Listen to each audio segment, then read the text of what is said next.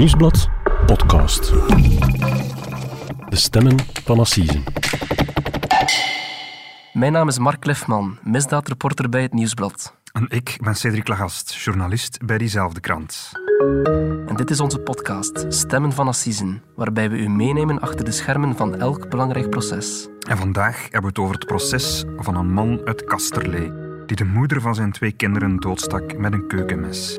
Maar waarom wachtte hij zo lang om zijn stervende vrouw naar het ziekenhuis te brengen? Waarom ging hij eerst nog om sigaretten?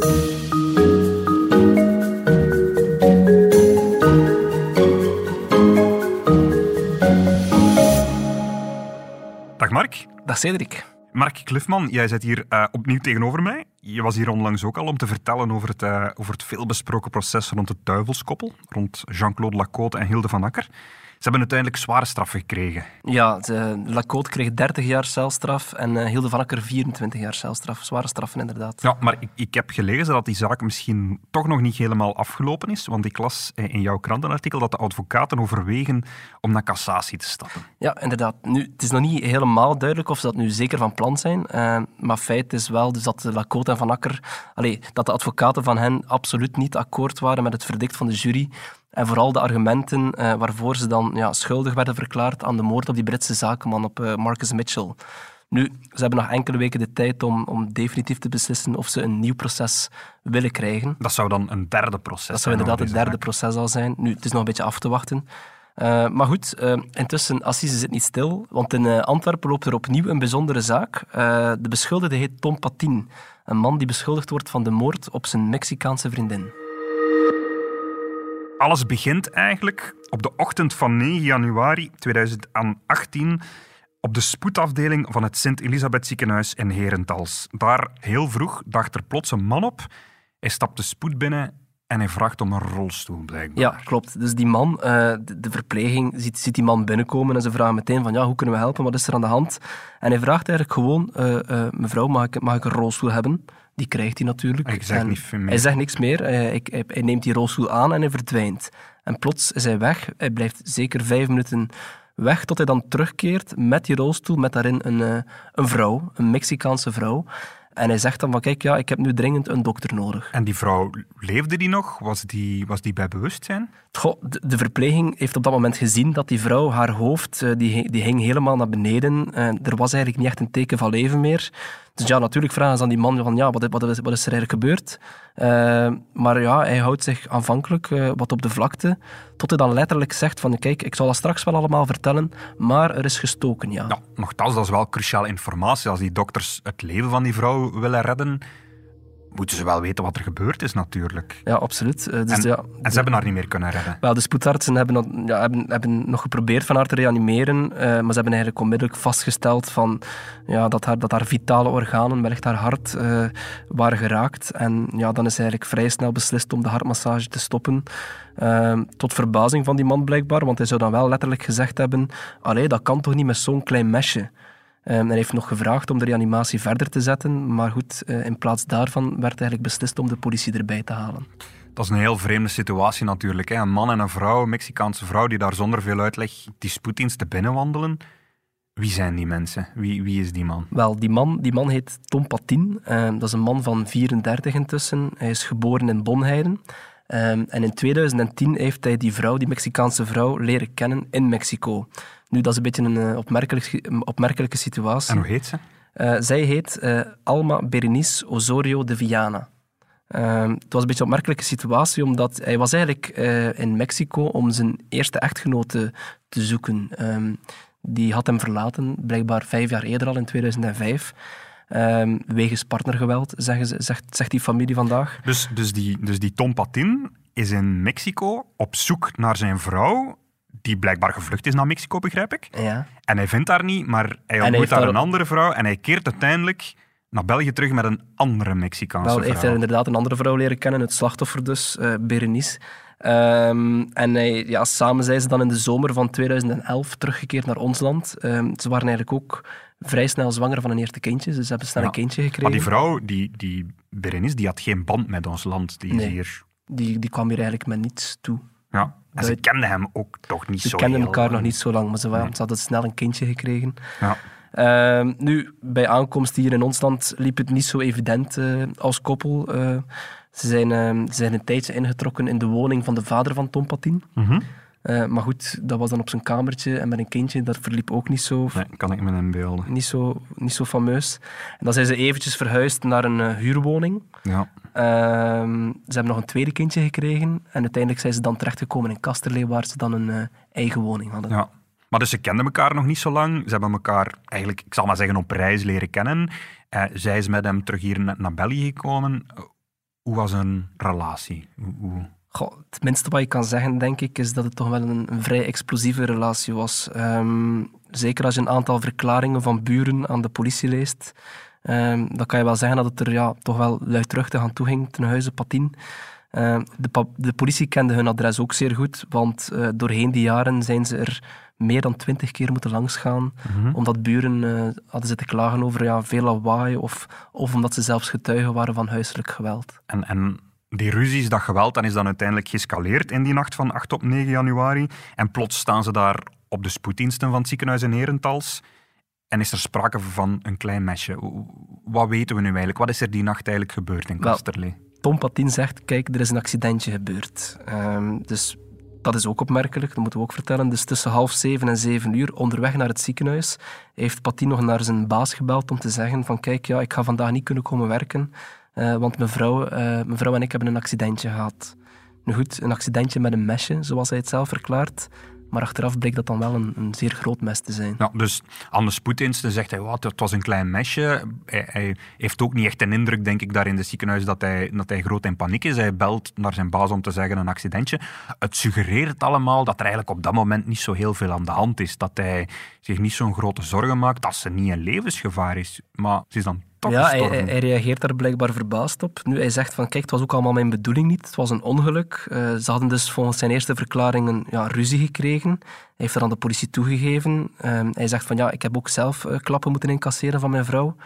Maar goed, het kwam tot een schermutseling eh, in de tuin van de woning, ter hoogte van de composthoop. En hij zegt van, ja, kijk, ik zag daar een mes, een mes liggen. Ik heb dat genomen en dat is tussen ons ingekomen. En wat, wat deed dat mes aan de composthoop? Ja, dat is een beetje de vraag.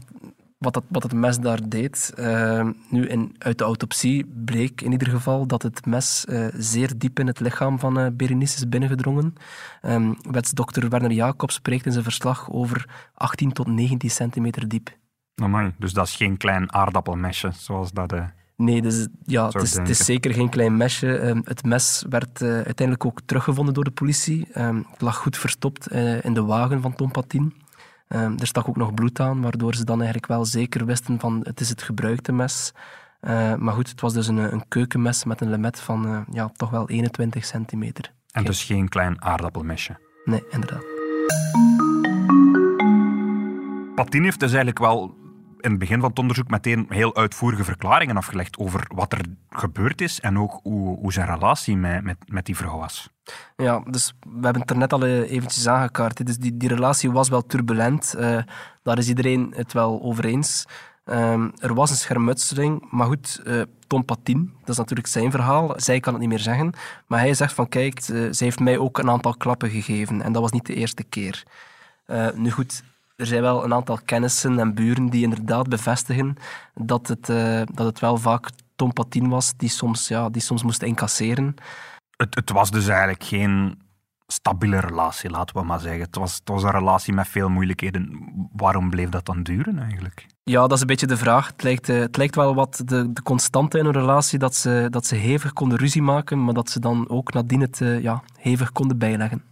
Wel, ik heb gelezen dat ze de dag van de feiten eigenlijk, dat zij nog een aantal foto's van zichzelf naar hem heeft gestuurd en dat ze die avond zelf ook nog gevreden hebben. Ja, eh, maar Tom Patin verklaart erover dat dat was misgelopen, omdat eh, de kinderen niet, eh, niet makkelijk wilden slapen die avond. Ehm, en hij zegt dan van, kijk, ja, zij pikte dat niet. Ehm, ze verweet hem dat hij, dat hij zogezegd vreemd ging, wat volgens hem helemaal niet het geval was. Ja. Nu, hij vertelt wel dat hij de, degene is die, die het meeste slaag krijgt, maar eigenlijk is hij ooit wel al veroordeeld voor geweld Ja, als enige van de twee. Dus hij- voor op haar. Inderdaad, dus, eh, dat was in de zomer van 2012. Ehm, hij kreeg toen van de rechtbank eh, zelfs tijdelijk een woonsverbod. Ehm, en ze waren er nog geen twee jaar samen. Ja, oké, maar ze blijven wel bij elkaar. Je zou denken, dat is het einde van de relatie, maar ze komen terug samen. Die messteek, Mark, hij, hij zegt in zijn eerste verklaring dat het een, een ongeluk was, een accident. Ja, inderdaad. Dus hij zegt van kijk, tot op vandaag houdt hij vol. ehm, ik heb die messteek nooit opzettelijk toegediend. Hij zegt van kijk, ik wilde gewoon dat de ruzie stopte, meer niet. En hij zegt ook nog altijd van ja, ik heb, ik heb, ik heb mijn vrouw nooit doodgewild. Hij stond deze week terecht in Antwerpen voor moord, wat wil zeggen dat hij iemand opzettelijk gedood heeft, met voorbedachte raden. Riskeert levenslang. Dat wil zeggen dat het parket er wel van uitgaat dat hij de bedoeling had om haar te doden. Maar ja, je kan toch om een aantal opvallende vaststellingen niet heen, denk ik. Dus ja, je hebt dus het, eh, wat, we- wat we daarnet vertelden, het kleine mesje dat dan een groot mes blijkt te zijn. Eh, een keukenmes dan nog, dat dan ja, zogezegd aan de composthoop ligt. Plus, ja, om een mes te nemen en uit te halen, daar gaat ook bepaalde tijd over. Ja, dat is zo een beetje een constante in assiseprocessen. Dat is een voorbeeld dat heel vaak in pleidooien wordt, wordt genomen. Als je de tijd hebt om, om naar de keuken te gaan, een mes uit, uit, uit, het, uit een kast te nemen en terug te keren, dan spreken ze al over voorbedachtheid. Omdat je in dat moment, die verplaatsing die je maakt, eigenlijk de kans hebt om je te bedenken en er om is een bedenktijd, ja, inderdaad. Ehm, Nu, los daarvan eh, zijn er wel nog een aantal opvallende vaststellingen. Hè. Ehm, bijvoorbeeld, eh, na die messteek is het gedrag van Tom Patin ook bijzonder. Want ja, hij rijdt dan naar het ziekenhuis in, in Herentals, terwijl Mhm. er in, Turn, in Turnhout, eh, veel dichter bij hem, eigenlijk ook een, een ziekenhuis is. Ja, dat klopt. Maar goed, hij verklaart daarover van ja, ik, ehm, ik, ik was er al eens geweest, ooit eerder voor een andere ingreep. In Herentals. Ja, Ja. maar dan, dan heb je nog misschien nog de opvallendste vaststelling. Ehm, onderweg is hij dus eigenlijk met zijn, met zijn doodbloedende vrouw is, eh, is hij aan een tankstation gestopt in de buurt, in de buurt van het ziekenhuis, om nog snel even sigaretten in te slaan. Dus hij is onderweg met zijn, met zijn stervende vrouw naast zich. Zij bloedt, het gaat niet goed met haar. Hij rijdt naar het ziekenhuis en onderweg stopt hij even Ja. om een pakje sigaretten Dus te voor de kopen. spoedafdeling stopt hij aan het tankstation, koopt hij sigaretten en camerabeelden hebben eigenlijk kunnen ja, hebben tonen dat, eigenlijk dat, dat, dat hij zich op dat moment heel rustig gedraagt eh, in het tankstation om sigaretten te kopen. En pas nadien is hij met zijn, eh, met zijn, met zijn vrouw naar de, naar de spoedafdeling gereden.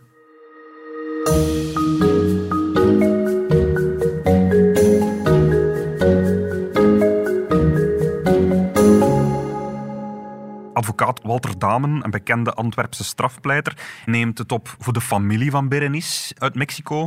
Ja, inderdaad. En uh, Joha Plateau uh, die treedt op voor, uh, voor top 10 voor de beschuldigde. Ja, dat zijn twee tenoren van de Antwerpse balie die hier tegenover elkaar staan. Hè. We kennen hen allebei al van veel assisenzaken eigenlijk. Ze hebben alle twee enorm veel ervaring op assisen.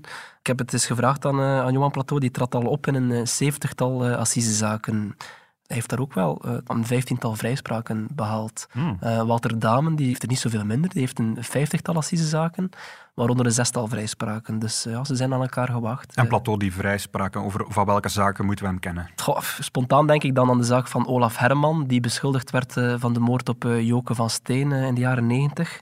Uh, maar Plateau trad ook op, uh, onder meer in de moordzaak rond uh, veehouder Karel van Noppen. Mm -hmm. Uh, de ontvoering van Anthony de Klerk kennen we ook nog natuurlijk. Mm -hmm. En misschien meest recent ja, de, de kasteelmoord, hè, waar, hij, waar hij de, de advocaat uh, was van, van André Gijzelbrecht. Hè. Ja, dat was eigenlijk geen assiseproces. Dat is een, een correctioneel proces. Dat, is, dat wil zeggen een gewoon proces voor een gewone strafrechter zonder jury. En ik, ik heb altijd al begrepen dat Plateau dat wel jammer vond, want hij, hij is nogal emotionele pleiter die, die, die, die met veel gevoel spreekt, die ook op gevoelens inspeelt. En ik denk dat hij dat wel jammer vond, dat hij die zaak niet voor assisen heeft kunnen pleiten. Ik denk dat hij vermoedt dat hij met een assisejury een ander resultaat had kunnen boeken, want in deze heeft dokter Heizelbrecht, André Heizelbrecht moeten we nu zeggen, uh, heeft 21 jaar cel gekregen. Ja, inderdaad. En, en Walter Dame die zat eigenlijk ook in die zaak. Hij was ook een van de advocaten van een van de andere beschuldigden, van Pierre Serie. Hoe ken jij Damen? Is dat ook een emotionele pleiter? Of? Wat ik me nog herinner van, uh, van Walter Dame was bijvoorbeeld op het uh, assiseproces rond Kim de Gelder. Was hij ook een van de advocaten van de burgerlijke partijen. En toen kwam hij minder emotioneel over dan een, dan een Joha Plateau. Was dat meer ja, juridisch, met juridische argumenten. En Terwijl ja, bij Plateau heb je dan misschien sneller het gevoel dat hij probeert, ja, dat, hij, dat hij heel erg inzet op het eh, emotionele aspect. Plateau is ook in mijn ogen ook echt een, een echte assisepleiter. Ik weet bijvoorbeeld, hij is afkomstig van Gent, maar hij is in der tijd naar Antwerpen verhuisd, omdat er in Gent al heel veel assisepleiters waren. En hij wou echt assisen pleiten. En in Antwerpen zag je daar nog, nog, nog een markt voor. Terwijl Walter Damen, die kennen we van veel andere dingen ook. Hè. We zien hem ook optreden als, als advocaat van Syrië-strijders bijvoorbeeld. Hij, uh, hij zit ook in de affaire rond de voetbalclubs, zit hij uh, ook. Um, um, ja, hij doet ook gewoon een correctionele processen. Hij is, is, is, heeft een breder palet eigenlijk, om het zo te zeggen. Ja, inderdaad. Ja, en de aanklager in de zaak... Dat is Ken met Pas. Ja, die was vroeger woordvoerder van het Antwerpse parket. Is ook zeer gespecialiseerd in drugzaken. Ah, oké. En de voorzitters, wie is de voorzitter? Dat is Dirk Thijs, die ook al ja, tientallen assisezaken uh, heeft geleid. Ja. Dus uh, ook één brok ervaring. Dus. Ja, die kennen we bijvoorbeeld nog van het proces over de Pokémon-moord. Mark, uh, Tom Pantin stond deze week terecht in Antwerpen voor de volksjury. Wat is er allemaal gebeurd in die rechtszaal?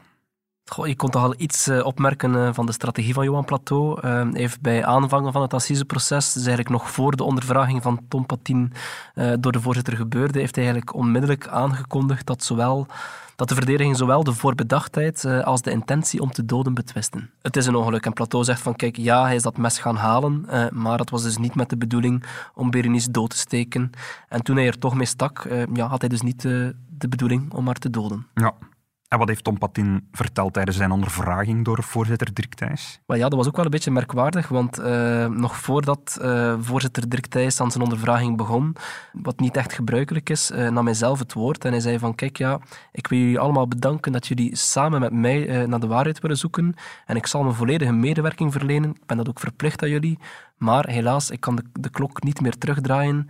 En uh, ik wil me vooral ook eerst verontschuldigen uh, tegenover mijn schoonmoeder. Uh, die vrouw zat dan ook in de assisezaal. Ah, die is vanuit Mexico naar België ja, gekomen die voor het proces. proces bij, ja. Het is een, ja, een rare houding, want ja, we gaan samen naar de waarheid zoeken. Hij heeft het natuurlijk wel gedaan, hij wist erbij. Hij zou ons moeten vertellen wat de waarheid is, natuurlijk. Ja, maar hij houdt dus vol dat het, ja, dat het in een impuls moet gebeurd zijn. ja, en dat het dus nooit zijn bedoeling was om haar te doden. En dat hij dan ja, door een stommiteit de, de liefde van zijn leven is verloren. En dat is ook opmerkelijk. Hij heeft eigenlijk gezegd van ja, ik ben ook bereid om levenslang te aanvaarden. Gevaarlijk, want ja, je geeft daarmee de jury eigenlijk het voorzetje om hem die levenslange celstraf meteen al te geven. Goh ja, tijdens, het, uh, tijdens hetzelfde verhoor heeft hij ook nog uh, aan de jury gevraagd om, ja, toch nog een kans te krijgen om voor zijn kinderen te zorgen. Uh, hij heeft dus uh, tijdens zijn ondervraging nog opnieuw herhaald dat er wat duw- en trekwerk aan vooraf is gegaan. En dat hij uh, Berenice gewaarschuwd had van ja, stop ermee, want je gaat me in de problemen brengen en ik ga in de gevangenis belanden. Is dat wat je echt wil? Zou hij letterlijk gezegd hebben. Wat ik me nog afvroeg, wie zorgt er nu eigenlijk voor die twee kinderen? Want uh, de vader zit in een gevangenis, de moeder is overleden en de familie van de vrouw die woont in Mexico. Ja, goede vraag. Wel, zij worden, uh, de kinderen worden ook door een uh, advocaat vertegenwoordigd op het assiseproces. Die kinderen zijn natuurlijk ook slachtoffers van, van de hele situatie. Hè. Eén vraagje nog iets dat blijven hangen is. Het feit dat hij stopte om sigaretten te kopen, heeft hij daar op zijn proces een zinnige uitleg voor gegeven?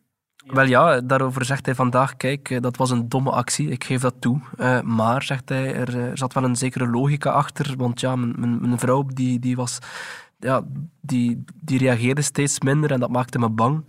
En mijn hart ging als een, ja, als een razende tekeer. Ik hyperventileerde. En hij zegt van, kijk, ik had een, een sigaret nodig om, uh, om, om rustiger te worden, om, om veilig in het ziekenhuis te geraken. Hmm. Als, als mijn vrouw steeds minder reageert, zou ik eigenlijk sneller rijden naar het ziekenhuis in plaats van te stoppen voor, voor sigaretten te kopen. Want ja, dat getal heeft er misschien ook wel voor gezorgd dat zijn vrouw uiteindelijk het niet gehaald heeft. Goh, ja, laten we zeggen dat het, uh, dat het alleszins serieus is een nadeel kan spelen. Hè. Ik kan me voorstellen dat bepaalde juryleden daar toch, daar toch zwaar aan tinnen en dat ze, dat ze die uitleg niet bepaald uh, geloofwaardig vinden.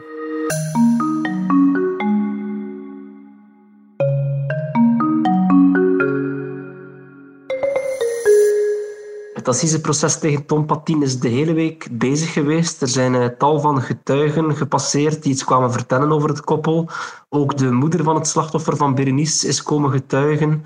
Um, uiteindelijk mocht Johan Plateau, de advocaat van Tom Patin, uh, donderdag aan zijn pleidooi beginnen. En hij heeft eigenlijk gezegd van ja, kijk, uh, zij, het slachtoffer, heeft de feiten uitgelokt omdat ze niet ja, stopte met, met ruzie maken met Tom Patin. Later op de dag, op donderdag, is, is de jury dan in beraad gegaan. Uh, maar na vier uur beraadslaging heeft uh, de jury ja, tot, een, tot een oordeel gekomen, namelijk dat Tom Patin wel degelijk schuldig wordt bevonden aan de moord op zijn Mexicaanse vriendin. Um, in principe riskeert hij daarvoor levenslang. de jury was van mening dat, ja, dat de voorbedachtheid wel degelijk voldoende bewezen was. Um, hij is een mes in de keuken gaan halen en hij had daarmee volgens de jury duidelijk het plan opgevat om, het, om zijn vrouw daarmee neer te steken.